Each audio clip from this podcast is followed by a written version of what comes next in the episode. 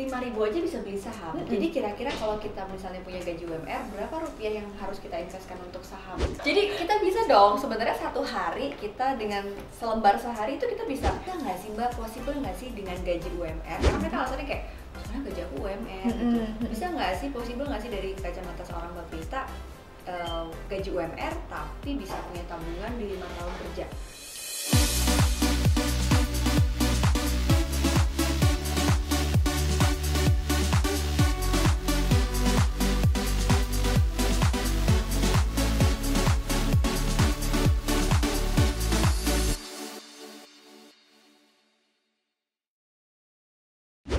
Assalamualaikum, halo teman-teman, ketemu lagi di Menganalisa Uang dan seneng banget nih ya aku ada bareng sama Mbak Prita sebagai dokter uang yang bakalan menyelamatkan kamu dari penyakit-penyakit yang namanya terkait sama kantong. Nah, Mbak Prita apa kabar? Alhamdulillah baik Mbak Ana. Thank you banget loh selalu mau ada di Zep Finance. Iya dong, karena ini bisa menyelamatkan perekonomian Indonesia. Mbak Prita, aku mau nanya nih, karena ini banyak banget yang konsultasi ke aku. Akhirnya kan uang itu akan membawa ke masalah-masalah psikologis juga Mm-mm. dong ya gitu. Karena begini, fenomenanya tuh teman-teman yang lahir eh, sekarang umurnya 20 sampai 25, udah usia kerja, udah lima tahun kerja, mereka tuh ngerasa kayak, "Mbak, aku nggak punya tabungan ya. Aku mau merit, aku kayak 5 juta aja nggak punya duit beli tabungan." Jadi beneran habis setiap gajian. Bisa nggak sih mbak, possible nggak sih dengan gaji UMR? Karena mereka alasannya kayak, soalnya gaji aku UMR. gitu. Bisa nggak sih, possible nggak sih dari kacamata seorang mbak Prita, eh, gaji UMR tapi bisa punya tabungan di lima tahun kerja? Bisa. Yang penting mau apa enggak? Nah, itu kan Berapa masalahnya. rupiah nih mbak? Kalau kita mau ya nggak susah-susah banget lah, Hmm. tetap bisa makan sehari tiga kali, layak gitu ya. Tapi punya tabungan dalam ka- jangka waktu lima tahun tuh bisa dapat berapa sih mbak? Kalau Nah, jadi angka? pastinya gini Mbak Ana, kalau orang berbicara tentang uh, UMR, UMR itu kan sebetulnya sudah hitungan yang dikeluarkan oleh pemerintah setempat, Yap. yang memang uh, menggunakan parameter-parameter yaitu kehidupan layak untuk satu orang. Oke. Nah, jadi pertanyaan pertama itu adalah pada saat kita mendapatkan penghasilan yang mungkin nominalnya adalah UMR, kita menghidupi berapa orang? Menghidupi berapa tanggungan? Benar nggak? Jadi masalahnya kadang-kadang itu gaji untuk satu orang tapi dia menanggung banyak beban. Iya, bisa jadi kan seperti itu. Nah, sekarang kita bicara, kita kerucutin lagi. Oke deh, misalnya ini gajinya UMR, tapi memang hanya menanggung untuk dirinya masing-masing. Hmm. Nah, harusnya kalau misalnya kita eh, menanggung untuk diri kita sendiri, kita tuh harusnya sanggup menyisihkan 10% dari penghasilan kita eh, dalam setahun. Mungkin nggak mbak kita punya puluhan juta dalam kurun waktu kerja lima tahun? Harusnya bisa. Kenapa? Karena gini, ini adalah eh, angka-angka matematisnya. Oke, Teorinya gimana? Mbak? Teorinya kan adalah si em, pegawai ini atau karyawan ini itu mendapatkan penghasilan let's say sekarang kita pakai angka UMR di Jakarta Oke. yaitu hampir 4 juta rupiah jadi Baik. 3,9 lah. Nah, anggaplah 4 juta rupiah itu kalau dia kerja selama 12 bulan, maka harusnya dalam setahun dia mendapatkan penghasilan kira-kira 48 juta. Baik. Nah, kalau kita ambillah 10 persennya, berarti harusnya di akhir tahun di rekeningnya itu ada uang sejumlah 4,8 juta sampai dengan 5 juta. setahun. Setahun. Baik. Jadi lima tahun bisa 25 juta dong. Ya bisa banget gitu. Itu pun juga hanya dengan konsep nabung uangnya eh, tidur. Padahal kalau misalnya kita masih muda, harusnya kan kita juga investasi. Yap. Jadi nggak cuma nabung yang uangnya ya udah masukinnya kayak di celengan, tetapi kita juga harus punya investasi yang memang dia bisa memberikan tambahan nilai. Jadi 25 juta itu bisa didapetin teman-teman millennials dengan kerja lima tahun itu minimal. Minimal itu juga untuk kondisi teman-teman milenials yang mungkin penghasilannya selama lima tahun UMR terus nah kalau ternyata teman-teman milenials itu memiliki karir yang mungkin lebih mapan Hmm. dan sebagainya yang mana tiap tahunnya ada kenaikan gaji melebihi dari uh, UMR-nya harusnya lebih banyak lagi kan? Iya, iya, betul banget. Nah pertanyaannya nih mbak, terus kalau masih muda gitu investasi apa ya yang nggak yang nggak terlalu risk eh, nya terlalu tinggi, Mhm. tapi ya lumayan lah ada kenaikan gitu. Apa mbak? Malahan harusnya dibalik Mbak Ana. Yang namanya anak muda itu harusnya punya mindset untuk berani berinvestasi. Karena Karena umurnya masih sangat muda. Oke. Kalaupun juga investasinya sempat jeblok dulu, dia Hmm. akan naik lagi. Kemudian dia itu masih punya masa depan yang cukup panjang, harusnya ya secara eh, apa hitungan harapan hidup. Nah, jadi kalau misalnya seseorang itu hanya nabung aja, padahal umurnya katanya nih masih di bawah 25, terus dia sayang banget.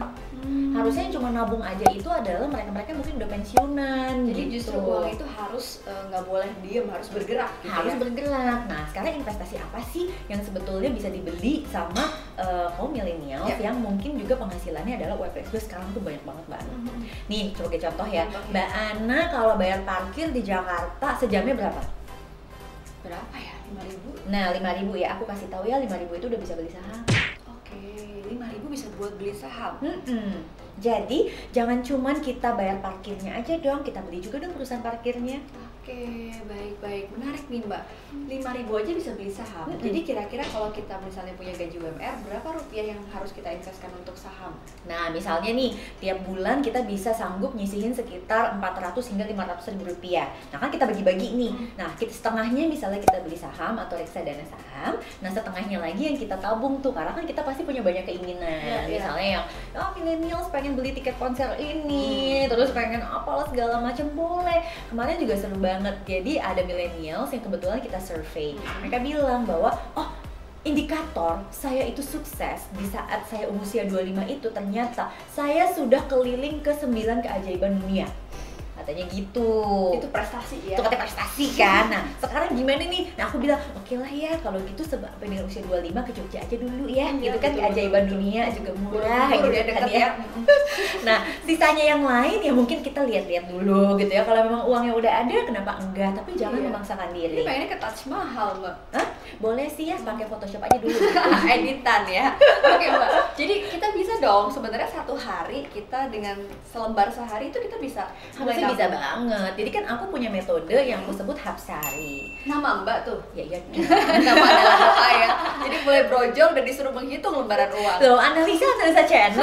ya kita Hapsari ya punya metode Hapsari Iya, ya betul, sih? Nah, Hapsari itu singkatan dari hanya perlu selembar aja sehari.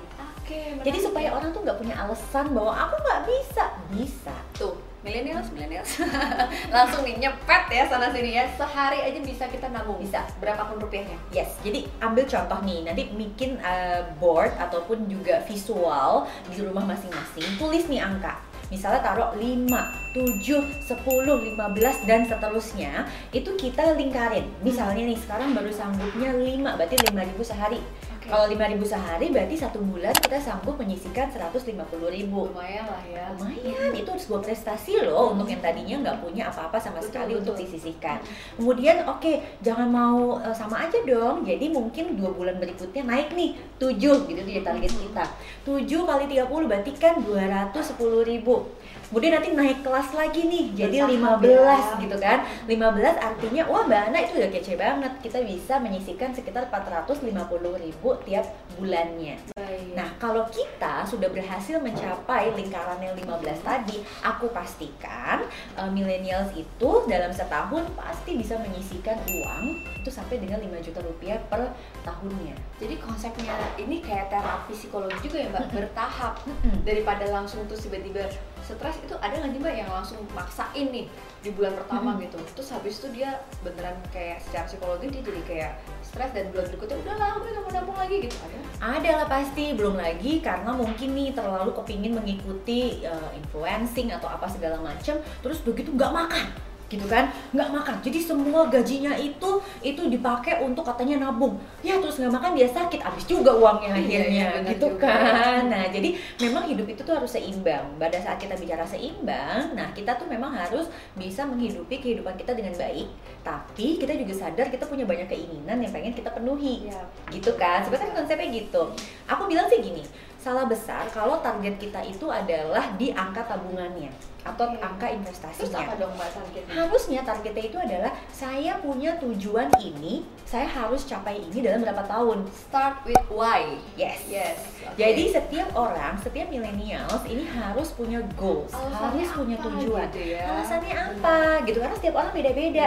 Kan tadi mbak Ana bilang aku harus ke Taj Mahal dan itu jadi alasannya. Nggak apa-apa kalau itu bikin dia apa-apa. happy ya. Bikin dia happy. Atau aku harus punya modal nikah seperti ini masalah jodohnya siapa ntar dulu nggak apa-apa gitu.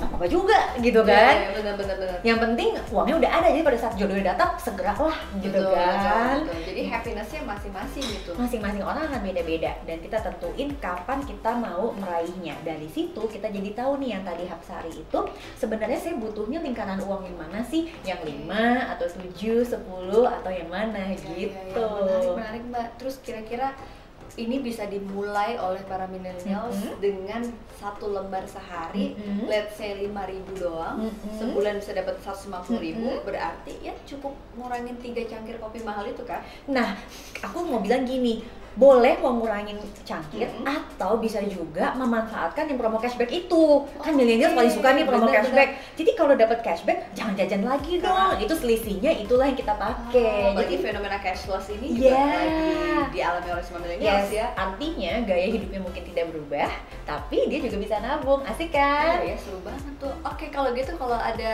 cashback jangan buat jajanan yang lain tapi ditabung ya.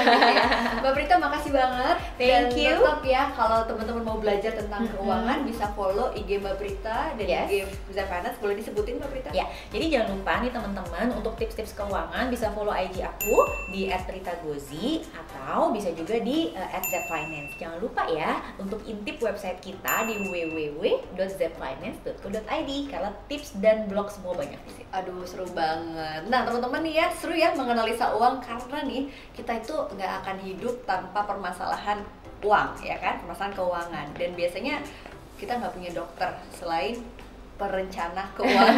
Tapi sebenarnya dokter atau perencana keuangan ini fasilitator doang ya mbak. Tetap ke kewenangannya di diri kita. Ya pastilah, kita kan hanya bisa menghimbau, kita bisa mengajak, kita bisa menjadi coach, tapi masalah mau lakuin apa enggak itu di diri masing-masing. Oke kalau begitu thank you banget teman-teman. Jangan lupa ya kamu subscribe dan juga kasih lonceng kamu. Karena setiap ada menganalisa uang siapa tahu ini adalah item yang kamu tunggu-tunggu episodenya. Kasih komen juga kira-kira enaknya ngobrol apa ya sama Mbak Prita. Thank you banget buat kamu yang udah nonton. Dan jangan lupa juga kamu bisa komen di IG analisa.widianingrum thank you banget. Assalamualaikum. Assalamualaikum.